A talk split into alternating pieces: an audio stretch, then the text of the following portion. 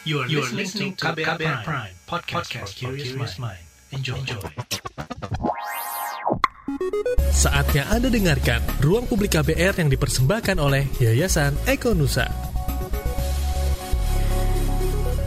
Halo, selamat pagi. Saat ini Anda mendengarkan siaran Ruang Publik KBR bersama saya Ines Nirmala. Dan hari ini Ruang Publik KBR dipersembahkan oleh Yayasan Ekonusa. Pagi hari ini tema yang kita bahas adalah Ekspedisi Maluku Ekonusa, lawan pandemi tumbuhkan ekonomi. Provinsi Maluku dan juga Maluku Utara sudah kita tahu ya dikenal sebagai provinsi kepulauan karena wilayahnya tersebar di pulau-pulau besar, pulau-pulau kecil. Untuk menjangkau pulau-pulau tersebut, Yayasan Ekonusa melakukan sebuah ekspedisi ke Maluku Utara dan juga Maluku yang dikenal sebagai daerah dengan keanekaragaman hayati darat dan lautnya yang baik seperti hutan mangrove, ekosistem pasir, sumber daya ikan, kearifan lokal, budaya serta komoditi rempahnya juga.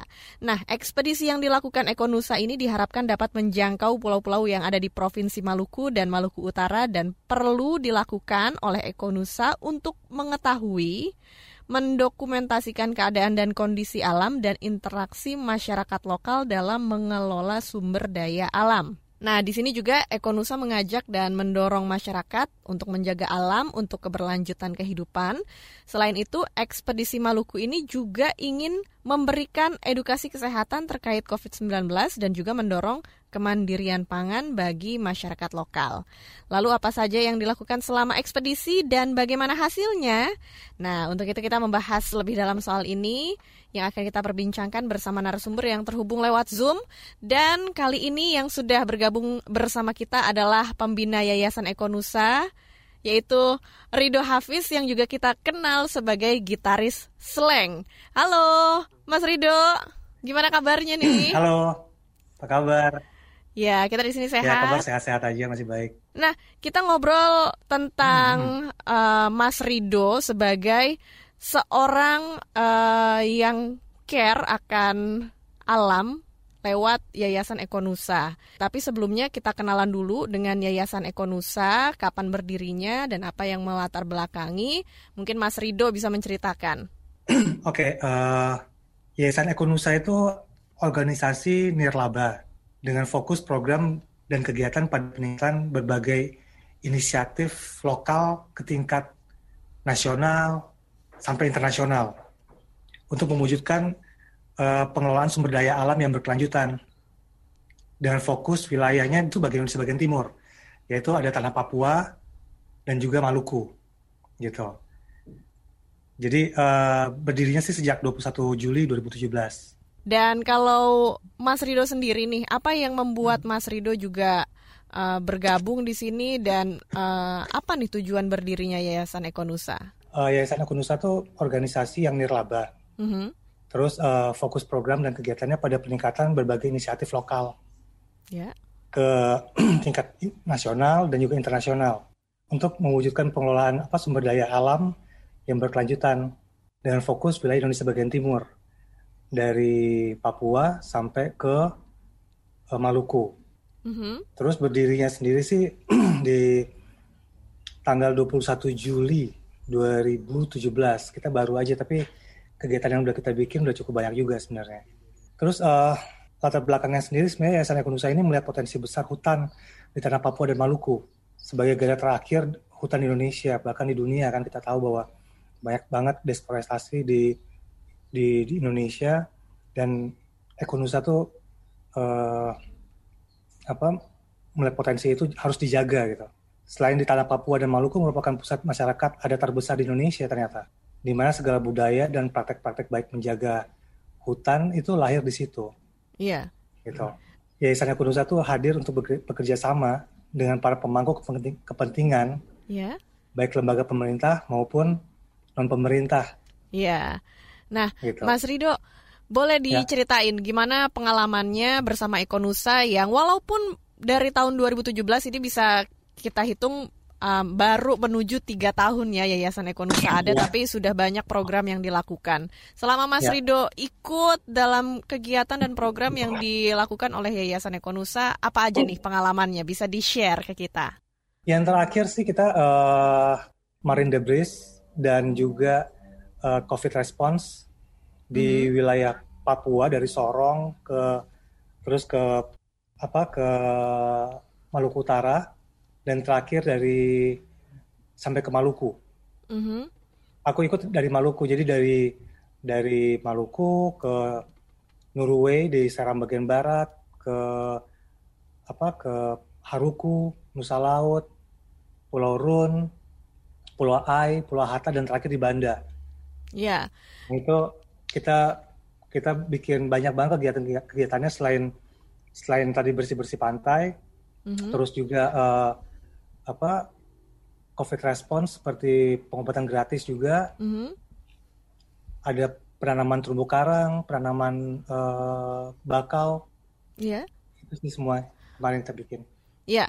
Nah, ini kalau dihitung lumayan banyak juga ya tempat-tempat yang didatangi selama ekspedisi ini dan yang saya mm-hmm. dapat infonya adalah ekspedisi ini menggunakan kapal. Wah, ya. ini unik ya karena memang di sana kan daerahnya kepulauan nggak mungkin kita nggak mungkin kalau naik mobil ya harus pakai kapal gitu ya gimana ya. nih kapal kayak gimana sih atau gimana rasanya naik kapal berhari-hari mengelilingi pulau-pulau di sana kita pakai pinisi mm -hmm. Pinisi uh, kura besi itu um, ya enak lah gitu maksudnya kayak uh, emang kita juga perjalanan kan hampir paling lama itu sekitar 12 jam. Iya. Yeah. Selebihnya tuh ada empat jam, ada tiga jam. Jadi emang dari pulau ke pulau. Jadi emang kita mendatangi pulau-pulau terpencil dan dan mungkin dari akses ke kesehatan sendiri agak agak kurang gitu ya. Mm-hmm. Jadi kita memberikan pengobatan gratis ke situ dan hmm, pengalamannya sih sebenarnya saya udah biasa sih kayak apa LOB kalau misalnya lagi diving tuh bisa mm-hmm. berhari-hari di laut oh. untuk diving jadi ya udah biasa jadi Iya iya iya wah ternyata Mas Rido ini hobi diving juga ya. Mm-hmm. Dan memang salah satu kegiatan yang dilakukan selama ekspedisi ini adalah uh, penanganan terumbu karang. Iya. Iya, gimana tuh uh, kondisinya di daerah Maluku, daerah Papua yang didatengin seputar kehidupan laut yang ada di sana? Iya, jadi um, terumbu karang kebanyakan memang ada beberapa daerah, beberapa pulau yang uh, rusak terumbu karangnya karena emang aktif aktifnya mereka uh, apa mengambil apa memancing ikan gitu ya, bukan mancing sebenarnya mereka lebih lebih aktivasinya tuh kayak ngebom oh seperti itu terus, ya terus uh, potas apa dengan racun ikan gitu ya mm-hmm. yang paling part yang, yang paling fatal tuh ya dengan menggunakan bom yeah. karena itu bukan cuman ikan ikan aja yang yang yang mati tapi juga uh, apa terumbu karang juga hancur gitu jadi eksploitasi lautnya itu terlalu terlalu uh, salah gitu ya yeah. dan itu emang emang kejadian paling banyak memang di wilayah Indonesia bagian timur mungkin yang saya tahu dan ada beberapa pulau di Maluku tuh yang memang yang saya tanami di daerah Haruku mm-hmm. itu hancur benar-benar rata aja gitu. Mm-hmm. Yeah. Nah kita kemarin kita bikin bikin apa kita transplantasi apa uh, ini apa uh, karang kita tanam tumbuh karang dan apa ya kita berharap mungkin bisa 3, 5, 10 tahun lagi akan jadi ramai lagi gitu. Artinya yeah. udah udah mulai bagus lagi terumbu karangnya. Iya. Yeah. Yang saya suka dari mereka dari dari di Pulau Haruku itu mm -hmm. mereka juga memberikan solusi buat kampung yang suka memang ngebom gitu. Iya, iya, itu penting tuh. Gimana pekerjaan tuh? juga jadi supaya mereka jangan mereka juga jangan uh, mengambil ikan dengan cara yang salah gitu. Iya, sayang sekali ya kalau cara mengambil ikannya dengan merusak kondisi iya. karang yang ada di sana dengan bom. Dari iya. program-program yang dilakukan Ekonusa, apakah juga ada edukasi gitu melakukan program edukasi kepada masyarakat nelayan di sana supaya menangkap ikan dengan cara yang lebih baik, tidak menggunakan bom? Bagaimana? Uh, ada sih, kita ada ada ada ada seperti itu juga. bahwa sebetulnya kita mengam, kita mendapatkan uh, hasil itu kan dari ikan ya. Sementara bagaimana kita bisa bisa mendapatkan hasil ikan yang banyak apabila rumahnya dirusak gitu loh. Mm-hmm. Kalau yeah. rumahnya rusak, tiba-tiba mereka lari semua udah gitu. Karena mereka berkembang biak dan juga uh, apa kawinnya melalui terumbu-terumbu karang itu sendiri gitu. Iya. Tempat ikan-ikannya hidup di sana ya. Iya, gitu. Jadi uh, sebenarnya sih masalah hal yang paling utama sebenarnya itu uh, kesadaran menumbuhkan kesadaran buat mereka juga bahwa apa yang mereka mereka inginkan itu dengan dengan mendapatkan ikan justru dengan dengan apa dengan cara yang salah gitu. Mm-hmm. Jadi mereka harus sadar juga bahwa apa yang mereka lakukan mereka apa yang mereka lakukan itu salah gitu. Iya, dan pastinya berdampak juga dengan kondisi lingkungan ya nantinya ikan-ikan tidak ada lagi di sana kalau karangnya rusak gitu ya. Ya iya. kalau rumahnya udah dirusak, ya ya udah selesai. Iya. Nah, kita balik lagi ngobrolin seputar Yayasan Ekonusa yang memang punya hmm. banyak program yang digagas. Hmm. Tapi kalau boleh tahu ya, Mas Rido, hmm. apa sih ya. target ya. dan fokus dari program-program yang dilakukan oleh Ekonusa tersebut? Uh, target itu um, ya target dan fokus kita itu sebenarnya advokasi kebijakan uh-huh. dan kerjasama strategis sebenarnya. Tujuannya menjembatani pemangku kepentingan Indonesia wilayah timur untuk memastikan pembangunan di Indonesia Timur itu berjalan efektif uh-huh. gitu. Yang pasti saya efektif dan tetap tepat sasaran gitu maksudnya. Terus pengembangan kapasitas dan ketahanan masyarakat adat. Tujuannya untuk tujuannya untuk uh, membangkitkan ketahanan masyarakat adat dalam mengelola sumber daya alam secara berkelanjutan. Terus uh, gerakan laut berkelanjutan juga tujuannya untuk membangun gerakan bersama untuk perbaikan tata kelola dan praktik pengelolaan sumber daya laut yang ramah lingkungan dan berkelanjutan. Mm-hmm. Terus juga uh, dukungan komunikasi gitu, strategis untuk Indonesia Timur. Tujuannya menyebarkan menyebarkan kisah sukses gitu dalam pengelolaan sumber daya alam yang berkelanjutan di Indonesia bagian timur. Ya. Itu sih fokus kita gitu. Oke. Kita akan lanjutkan lagi ngobrol-ngobrol seputar ekspedisi Maluku Ekonusa ya Mas Rido ya. Dan kita akan kembali lagi setelah yang berikut ini. Masih Anda dengarkan Ruang Publik KBR yang dipersembahkan oleh Yayasan Ekonusa. Halo, Anda masih mendengarkan siaran Ruang Publik KBR dan yang kita bahas temanya pagi hari ini adalah ekspedisi Maluku Ekonusa lawan pandemi tumbuhkan ekonomi. Dan saya juga bersama dengan narasumber yang uh, terhubung secara online ya, yaitu pembina Yayasan Ekonusa Mas Rido Hafiz yang juga adalah gitaris Slang. Dan juga sekarang sudah ada narasumber lainnya yang ikut bergabung dengan kita, yaitu relawan dokter pada ekspedisi Maluku Rute 2, yaitu Dr. Syaiful Islam. Kita sapa dulu Dr. Syaiful. Ya, halo. halo Mbak. Tadi saya sudah ngobrol-ngobrol nih sama Mas Rido seputar pengalamannya ikut dalam ekspedisi Ekonusa. Sekarang saya mau tanya pengalamannya Dr. Saiful sebagai salah satu dokter relawan kesehatan. Ini bagaimana pengalaman dokter Saiful saat mengikuti ekspedisi dan apa nih yang bikin dokter Saiful tertarik mau ikut ekspedisi lewat Ekonusa ini? Uh, jadi Mbak, uh, memang saya uh, ini hobi untuk ikut kegiatan-kegiatan sosial uh, karena saya uh, ini sedang bantu orang ya. Mm. Karena dengan uh, membantu gitu uh, saya dapat memberikan dampak yang positif kepada masyarakat yang lebih luas. Kemudian terlebih lagi ini ekspedisinya kan uh, di daerah timur Indonesia. Ini yang pertama kalinya saya juga ke sana. Uh, seperti yang kita tahu juga kan uh, alamnya, keindahan alamnya, ada uh, budaya yang masih kuat. Uh, itu juga yang ingin saya uh, lihat secara langsung, membuat saya tertarik untuk ikut di kegiatan ekspedisi kali ini. Iya.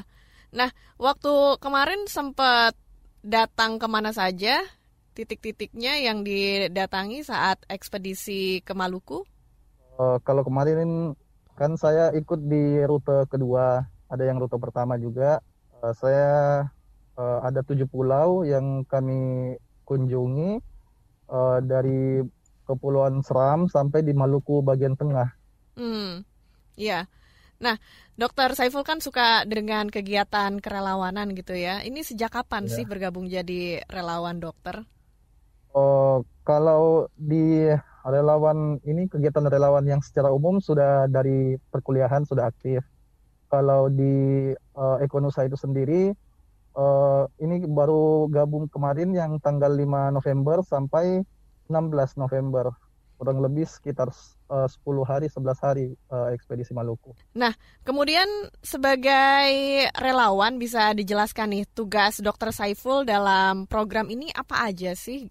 Oh ya, jadi uh, sebenarnya kami uh, tergabung dalam suatu tim yang namanya COVID-19 Response.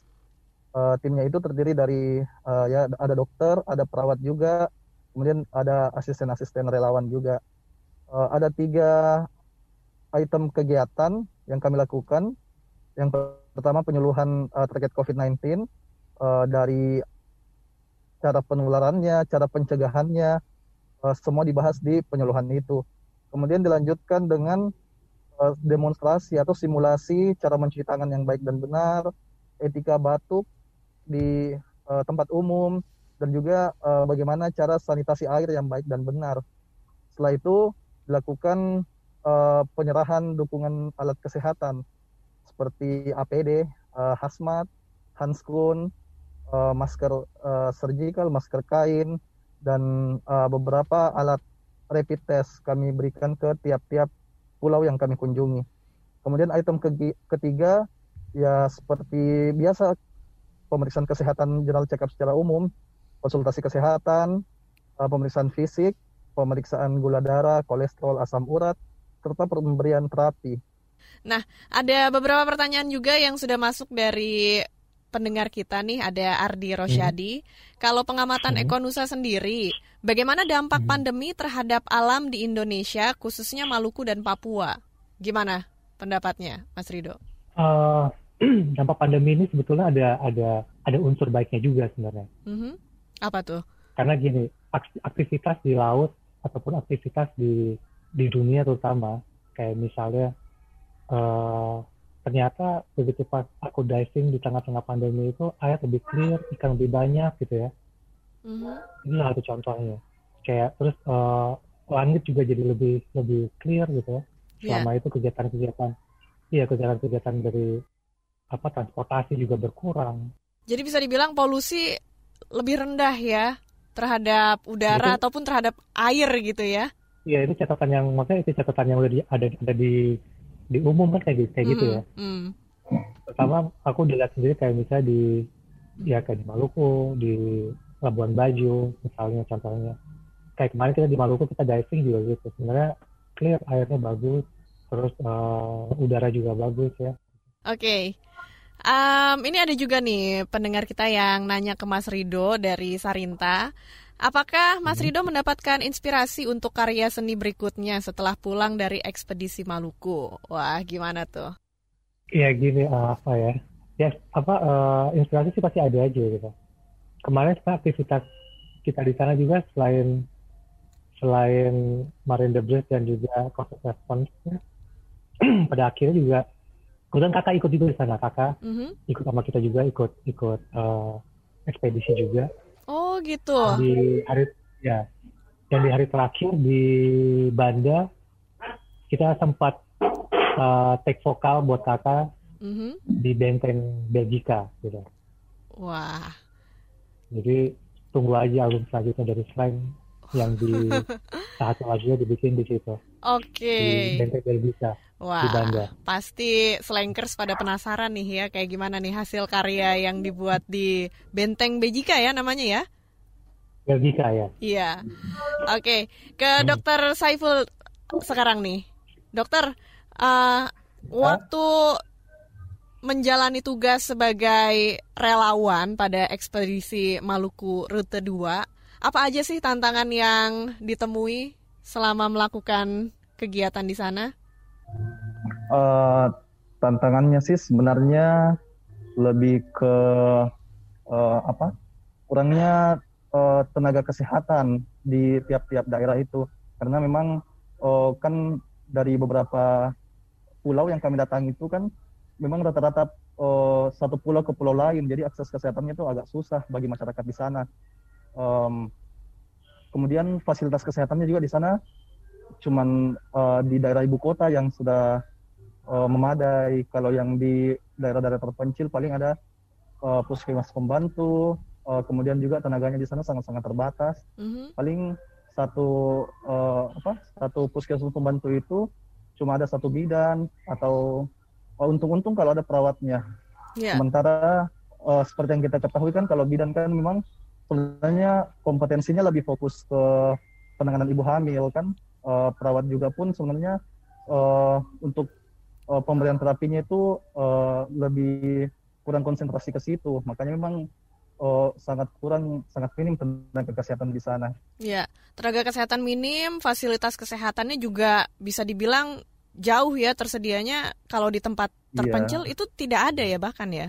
Oh iya, memang uh, ada ini ada program dari pemerintah itu yang tim Nusantara Sehat. Mm-hmm. Cuman dari beberapa pulau yang kami datangi ini uh, masih cenderung sangat kurang. Uh, toh juga kalau ada paling uh, tim itu yang adanya paling kayak perawat atau dokternya sendiri itu sangat-sangat kurang. Iya. Jadi ketika relawan dokter ini datang ke pulau-pulau itu uh, gimana nih dokter? Dari masyarakat sekitar yang datang ke kegiatan yang dilakukan relawan apakah banyak orang yang datang ke sana? Seperti apa animo dari masyarakat? Respon masyarakat itu iya. sendiri sangat uh, ini ya sangat antusias sangat tertarik dengan pemeriksaannya ini. Karena uh, hampir semua pulau yang kami datangi itu memang uh, belum ada pemeriksaan lagi dari sebelum pandemi dari Februari. Mm-hmm. kan yang normalnya kan uh, misalnya kayak uh, poli poliklinik lanjut usia atau poli lansia kan biasanya kan tiap bulan itu pasti ada di tiap-tiap pulau. Sementara sejak pandemi itu dari bulan 2 sampai bulan 11 itu belum ada. Makanya ini kayak uh, pemeriksaan pertama lagi setelah 9 bulan vakum makanya masyarakat sangat antusias untuk datang taubat. Jadi Wah. responnya sangat-sangat positif. Responnya sangat bagus dan ini bisa dibilang yeah. setelah pandemi Ekonusa yang pertama mendatangi mereka ya masyarakat-masyarakat yeah, di pulau yeah. itu ya. Oke, baik kita akan lanjutkan obrolan kita di siaran Ruang Publik KBR dan kita akan kembali lagi setelah yang berikut ini. Masih Anda dengarkan Ruang Publik KBR yang dipersembahkan oleh Yayasan Ekonusa. Masih Anda dengarkan Ruang Publik KBR yang dipersembahkan oleh Yayasan Ekonusa. Tema kita pagi hari ini adalah Ekspedisi Maluku Ekonusa, lawan pandemi tumbuhkan ekonomi. Bersama saya Ines Nirmala dan juga masih bersama kita narasumber yaitu Dr. Syaiful Islam, relawan dokter Ekspedisi Maluku Rute 2 dan juga bersama Rido Hafiz, pembina Yayasan Ekonusa dan juga gitaris Slang. Nah, saya mau ke Mas Rido sekarang nih uh, melihat masyarakat okay. di sana gitu ya. Uh, bisa hmm. dibilang mungkin ya dalam uh, dalam tadi kita kita bicarakan seputar kehidupan mereka di sana, Mas Rido bilang kalau uh, mereka adalah masyarakat yang bahagia yang ada di pulau-pulau di Maluku itu ya, Mas ya. Hmm. Tapi kalau dilihat hmm. uh, di masa pandemi, ada nggak sih dampak di sektor ekonomi terhadap masyarakat di sana? Ya pastinya dari sektor ekonomi itu pasti apa uh, kena banget gitu loh, mm-hmm. berdampak sekali buat mereka. Karena kalau kita tahu kan sebenarnya Maluku kan sumber daya alamnya baik di laut maupun di darat kan jadi tumpuan banget buat mereka gitu. Mm-hmm. Apalagi kalau kita tahu misalnya masyarakat-masyarakat di sana juga uh, apa mereka tuh sangat menjaga alamnya sebenarnya gitu ya dari yeah. nenek moyangnya mereka sebenarnya menjaga alam dengan apa dengan sasi ada sasi laut ada sasi darat itu sebenarnya tuh salah satu cara uh, adat untuk menjaga ekosistem dan dan dan berkelanjutan uh, alamnya itu sendiri baik di laut maupun di darat gitu.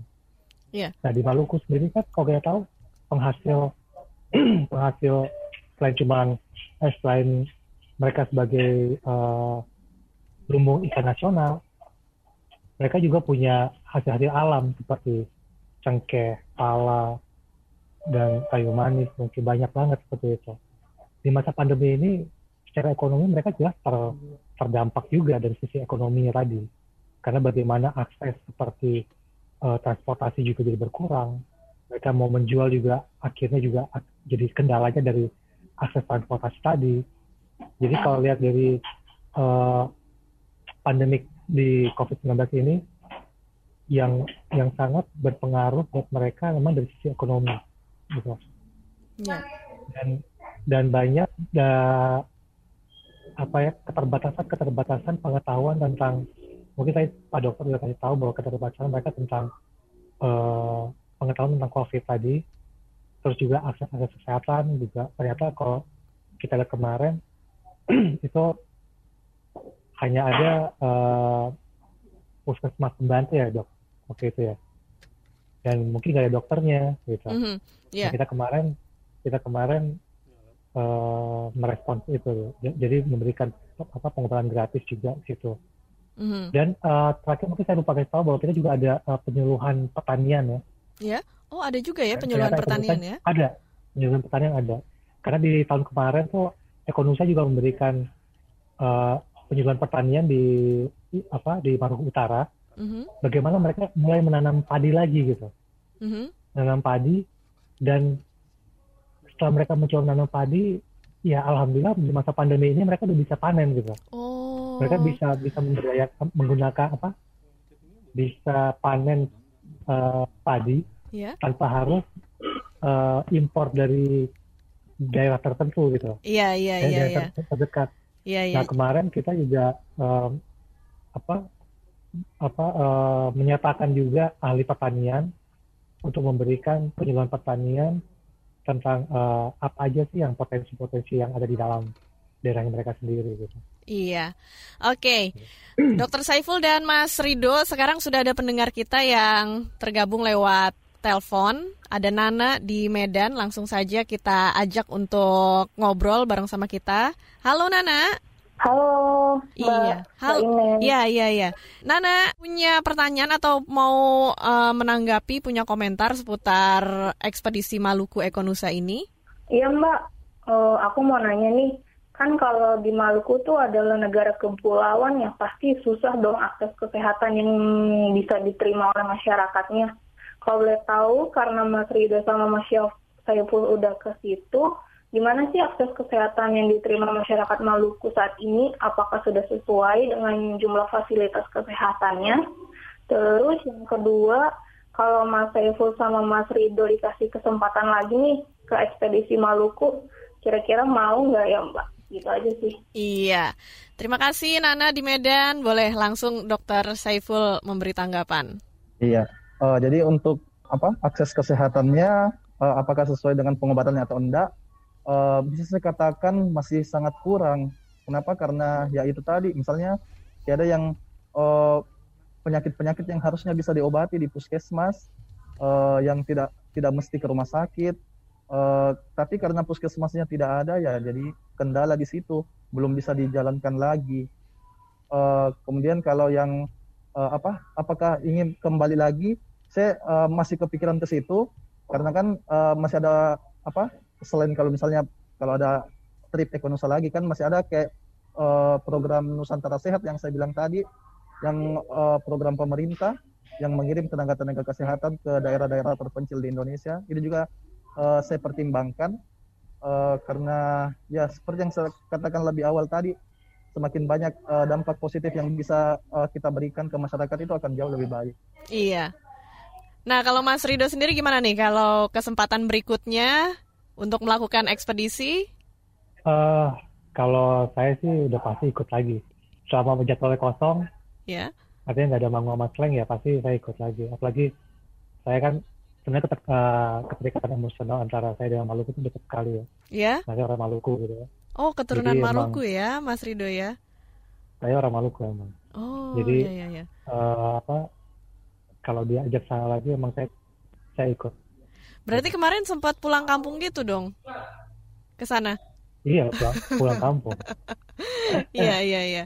Nah, saya mau tahu uh, ke dokter Syaiful sekarang ya, di masa pandemi ini uh, gimana nih COVID-19 di wilayah-wilayah pulau yang Anda datangi di Maluku? Kalau yang dari tujuh pulau yang saya pergi itu eh, rata-rata uh, kasusnya belum ada, kecuali mm -hmm. satu. Satu itu di ibu kota kecamatan memang yang agak besar. Uh, puskesmasnya ada, di situ sempat ada terkonfirmasi. Cuman mm -hmm. kasusnya uh, ya bisa dibilang uh, bisa teratasi lah, karena memang di kecamatan itu fasilitas kesehatan sangat memadai uh, dokternya ada, perawatnya ada banyak, bidannya juga ada banyak. Bahkan mereka sudah bisa ambil sampel swab mandiri di tempat itu. Nanti dia akan kirim ke rumah sakit yang terdekat. Jadi uh, kalau untuk di satu pulau itu di Nusa Laut itu sudah cukup memadai. Kalau yang di tempat lain itu masih uh, belum ada yang terdeteksi. Makanya uh, ya sangat-sangat uh, pemerintah ini batasi di daerah perbatasan-perbatasan. Dia mhm. betul-betul mm -hmm harus uh, filter uh, atau harus screening orang siapa yang bisa masuk dan siapa yang bisa keluar. Ketika ada orang yang baru yang masuk dan bergejala ataupun dia punya riwayat bepergian dari daerah, misalnya dari Ambon, mm-hmm. itu harus uh, diperiksa baik-baik, di screening baik-baik. Jangan sampai dia membawa virus masuk ke daerah situ. Ya, bisa dibilang ya. daerah-daerah. Seperti kami juga. Uh-huh. Ya, kami juga yang tim semua kan uh, kita wajib swab dulu sebelum berangkat. Ya. Makanya yeah uh, ya itu kita harus uh, apa minimalisir uh, ini penyebarannya di perbatasan-perbatasan uh, pulaunya. Iya betul. Jadi yang datang dari luar pun kondisinya sehat, tidak menularkan ya. penduduk yang ada di sana ya. Sekarang sudah ya. ada pertanyaan lagi lewat chat. Ada Fitri Anggraidi yang bertanya nih, seperti apa strategi yang cocok untuk mengembangkan pariwisata di sana tanpa merusak alam? Apakah sudah diterapkan di sana? Karena kita tahu ya, Maluku itu wilayahnya cantik, pantai, lautnya indah.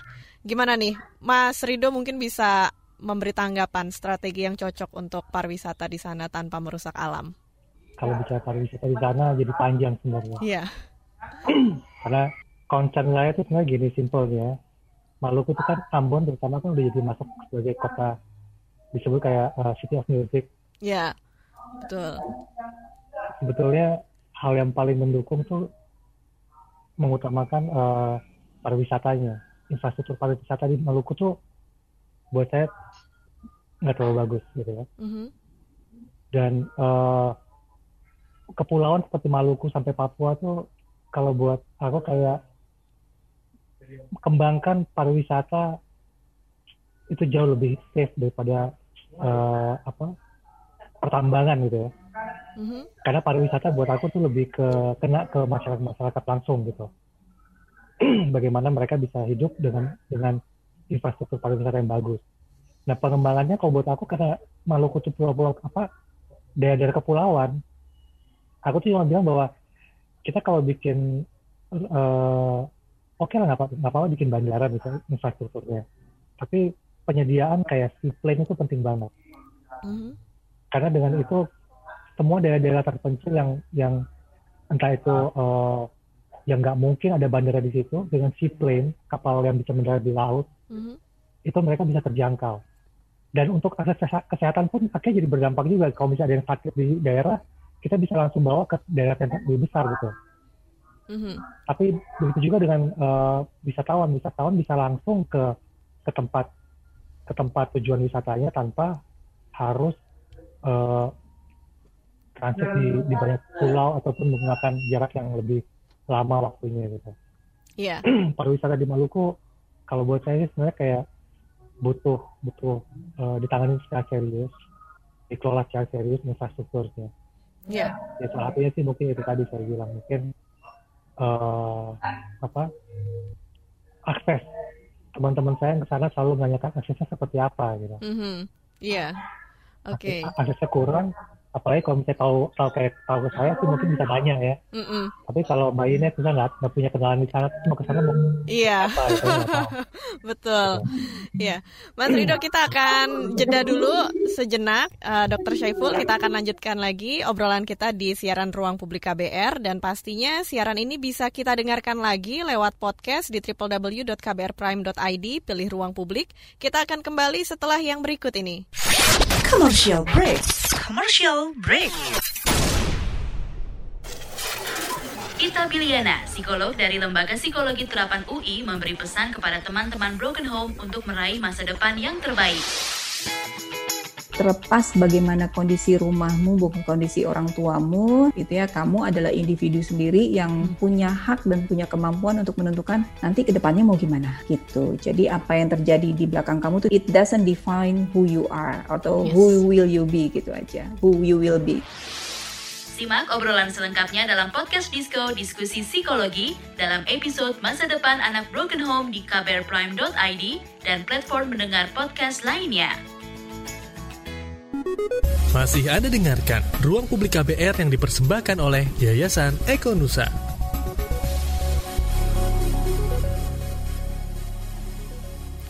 Ya, sekarang kita sudah masuk ke bagian akhir siaran Ruang Publik KBR, persembahan Yayasan Eko Nusa dan kita membahas ekspedisi Maluku Eko Nusa lawan pandemi, tumbuhkan ekonomi. Kita masih bersama dengan Rido Hafiz, pembina Yayasan Ekonusa dan juga gitaris Slang, serta Dr. Syaiful Islam, relawan dokter ekspedisi Maluku Rute 2. Nah, uh, Dr. Syaiful, saya mau tanya nih, uh, gimana yang dilakukan selama bertugas sebagai relawan dokter? Apakah juga memberikan edukasi kepada masyarakat untuk meningkatkan kesadaran akan kesehatan? Seperti apa? Ya, uh, jadi selama uh, ekspedisi ini kan tetap kita selalu uh, mensosialisasikan uh, masyarakat untuk patuh terhadap protokol kesehatan. Selain itu kita juga uh, dari relawan juga kita memberikan contoh uh, agar uh, masyarakat juga ikut. Cuman memang jadi kendala karena uh, apa dari kedisiplinan masyarakat itu sendiri yang masih kurang uh, dan juga uh, tidak bisa kita pungkiri kalau misalnya adaptasi suatu kebiasaan baru itu memang butuh waktu. Mm-hmm. Uh, maksudnya uh, apa tidak tidak sekali penyampaian langsung bisa berubah. Uh, butuh waktu uh, untuk uh, bisa menetapkan protokol itu dengan baik dan benar. Ya seperti itu. Iya. Dan uh, kalau bagi anak-anak di sana gimana nih? Mungkin kita sering dengar kesehatan anak itu penting karena mereka kan penerus bangsa dan pemerintah juga uh, ingin memberantas stunting. Bagaimana dengan kondisi anak-anak ya. di sana kesehatannya? Oh iya, memang uh, apa angka stunting itu memang agak tinggi kalau di uh, di Maluku.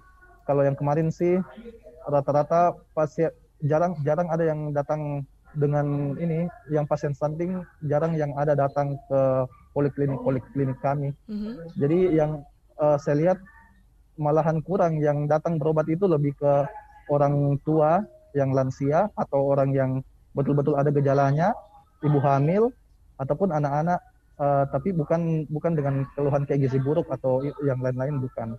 Karena memang kalau uh, yang stunting itu penanganannya memang harus program yang jangka panjang tidak bisa dalam uh, apa dalam kegiatan sosial yang jangka pendek uh, seperti itu. Iya. Baik. Nah, sekarang saya ke Mas Rido lagi nih yang waktu ekspedisi Maluku ini juga salah satu programnya adalah bersih-bersih pantai ya, Mas ya. Ya. Nah, gimana kalau ya. dilihat kesadaran masyarakat di sana untuk menjaga alam mereka seperti apa? Ya, kesadaran mereka sebenarnya tuh uh, kalau aku lihat sih baru baru beberapa tahun terakhirnya bahwa mereka sadar bahwa dengan menjaga alamnya tuh juga menjaga ekosistem juga gitu. Jadi uh, mereka tuh ya tadi aku bilang uh, ada sasi di sana.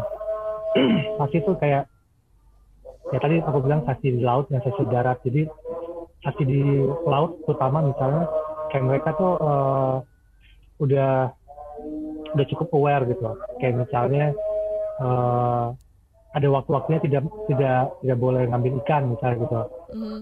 Terus kalau di di darat eh, nggak uh, boleh ngambil pohon kelapa misalnya, mau buah kelapa nggak boleh diambil gitu. Mm. Itu salah satunya salah satu untuk menjaga ekosistem juga gitu. Tapi yang yang paling penting sebenarnya dari kita uh, kita memberikan uh, kesadaran buat mereka untuk menjaga uh, lautnya dari sampah gitu, Membu membalikkan paradigma mereka juga bahwa sampah itu jangan mau dipunggungi gitu.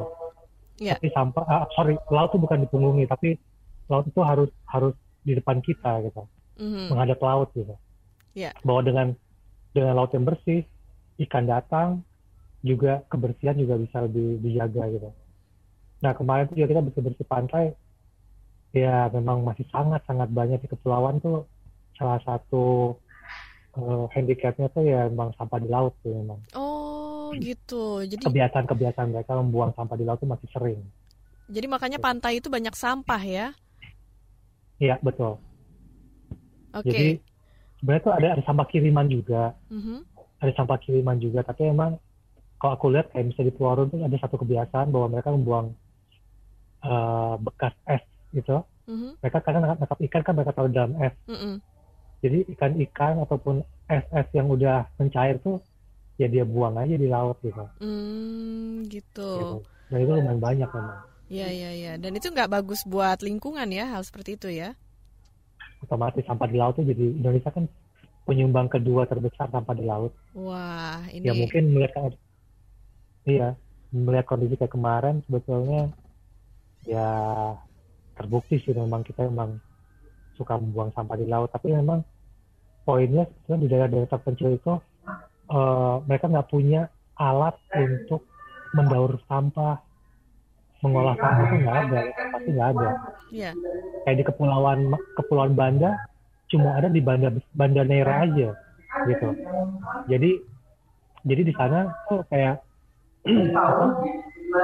kita jadi penuntut tuh rencananya gitu akan menyumbangkan uh, mesin pencacah sampah. Jadi yeah. uh, mereka bisa mengumpulkan dari kampung-kampung yang terdekat di situ kumpulkan ke ke RC misalnya di Run Run uh, mencacah sampahnya terus dibawa ke Bandar Neira untuk di, diolah menjadi uh, apa uh, sampah yang udah udah udah di udah dijadikan biji sampah gitu. Iya. Oke. Okay. Mas Rido ada pendengar kita juga yang bertanya yaitu Gina di Solo.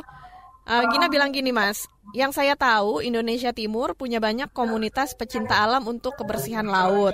Di ekspedisi kemarin bagaimana respons dengan komunitas pecinta lingkungan di sana? Apakah sempat bertemu juga? Seperti apa? Kita selalu melibatkan Mbak. Mm-hmm. Ini dari dari Pulau Haruku kita ber, berkolaborasi dengan pecinta alam uh, divers divers yang men, men, aku juga uh, menanam terumbu karang tuh dengan dengan komunitas sendiri uh-huh. menanam uh, apa bakau dengan komunitasnya juga terus di Banda di, di Ron kita bekerja sama untuk membersihkan sampah dengan dan komunitas yang ada di uh, Banda Naira gitu jadi kita melibatkan mereka selalu kita melibatkan mereka gitu. Uh-huh. hanya aku selalu bilang bahwa kegiatan-kegiatan uh, bersih-bersih sampah itu uh, bagus buat diingat, tapi paling enggak kalaupun kita bikin seribu kali dalam sebulan, mm -hmm. yeah. itu nggak akan selesai masalah sampah kita. Kalau nggak ada kesadaran dari masyarakat itu sendiri gitu. Mm -hmm. Betul. Jadi uh, mungkin aku bisa menyarankan juga buat semua komunitas saat kalian berikan bersihkan sampah, ajak orang-orang yang tinggal di pesisir tadi karena kejadian kayak misalnya uh, mungkin satu satu tahu atau pasti di Nusa Laut yeah. kita bersihkan sampah orang-orang di pinggir rumahnya ya santai aja gitu Iya. Jadi buat aku tuh biasanya bisa simbolik sebenarnya. Tapi uh, itu jadi pengingat aja sebenarnya. Mungkin next kita akan bikin lebih lebih lebih masif lagi, tapi melibatkan masyarakat yang ada di di pesisir tadi yang tinggal di pesisir itu sendiri. Iya. Penting melibatkan masyarakat yang tinggal di sana ya untuk menjaga juga lingkungan tempat tinggal mereka. Ada pertanyaan dari Mona, apakah ekspedisi yang dilakukan oleh Ekonusa akan berlanjut ke daerah-daerah kepulauan Indonesia yang lainnya? Bagaimana Mas Ridho? Uh, ekspedisi ini kalau kita kan emang Ekonusa ini kan emang fokusnya di timur, uh mhm. -huh. terutama di Papua dan Maluku kita akan memulai lagi ekspedisi ke area yang sama juga, tapi mungkin di pulau-pulau yang berbeda. Gitu. Hmm, kapan tuh akan ada ekspedisi berikutnya? Kira-kira? tahun depan rencana ada kemungkinan mungkin sekitar Februari atau Maret rencananya. Wah. Karena kita menggunakan kapal, mm-hmm. kita juga terbentur dengan masalah weather ya, masalah uh, apa? Cuaca. cuaca. Yeah. Kita harus lihat cuaca yang bagus juga supaya kita bisa masuk akses ke pulau-pulau tersebut dengan enak juga. Iya. Yeah. Oke. Okay. Nah, sekarang saya ke Dr. Syaiful. Ini boleh diceritakan kesannya bagaimana selama mengikuti ekspedisi ini, lalu apa yang harapan yang ingin disampaikan?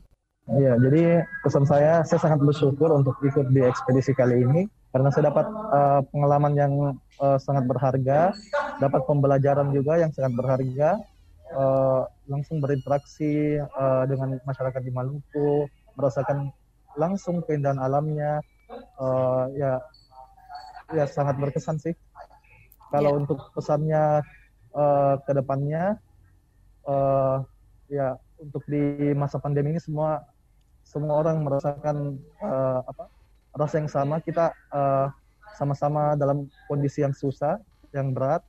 Uh, kita berusaha saja untuk patuhi protokol kesehatan sebaik mungkin agar pandemi ini bisa cepat berlalu dan kita bisa kembali ke rutinitas kita seperti pada awalnya. Iya.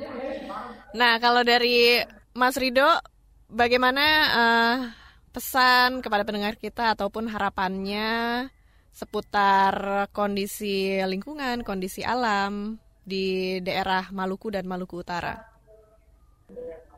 Ya, uh, aku sih berharap uh, masyarakat di Maluku dan Maluku Utara menyadari gitu ya bahwa kekayaan alam, sumber daya alam yang ada di laut maupun darat itu titipan uh, dari nenek moyang kita gitu.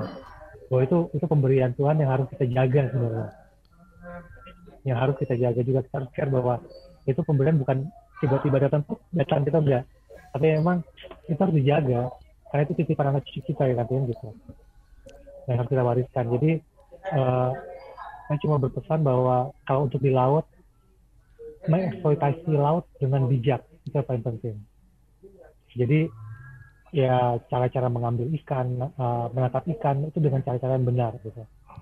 Dengan begitu kita bisa menjaga ekosistem laut dengan baik dan juga uh, dapat dinikmati berkepanjangan gitu.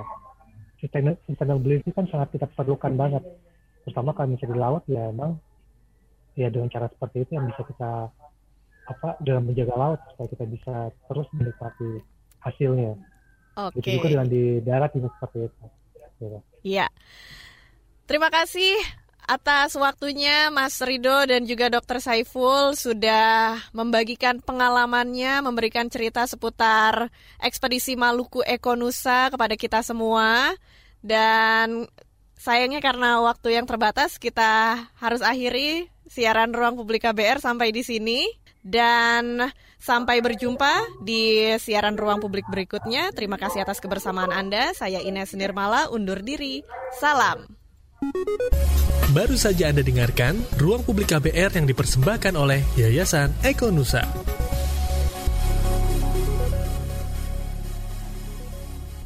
KBR Prime, cara asik mendengar berita. KBR Prime, podcast for curious mind.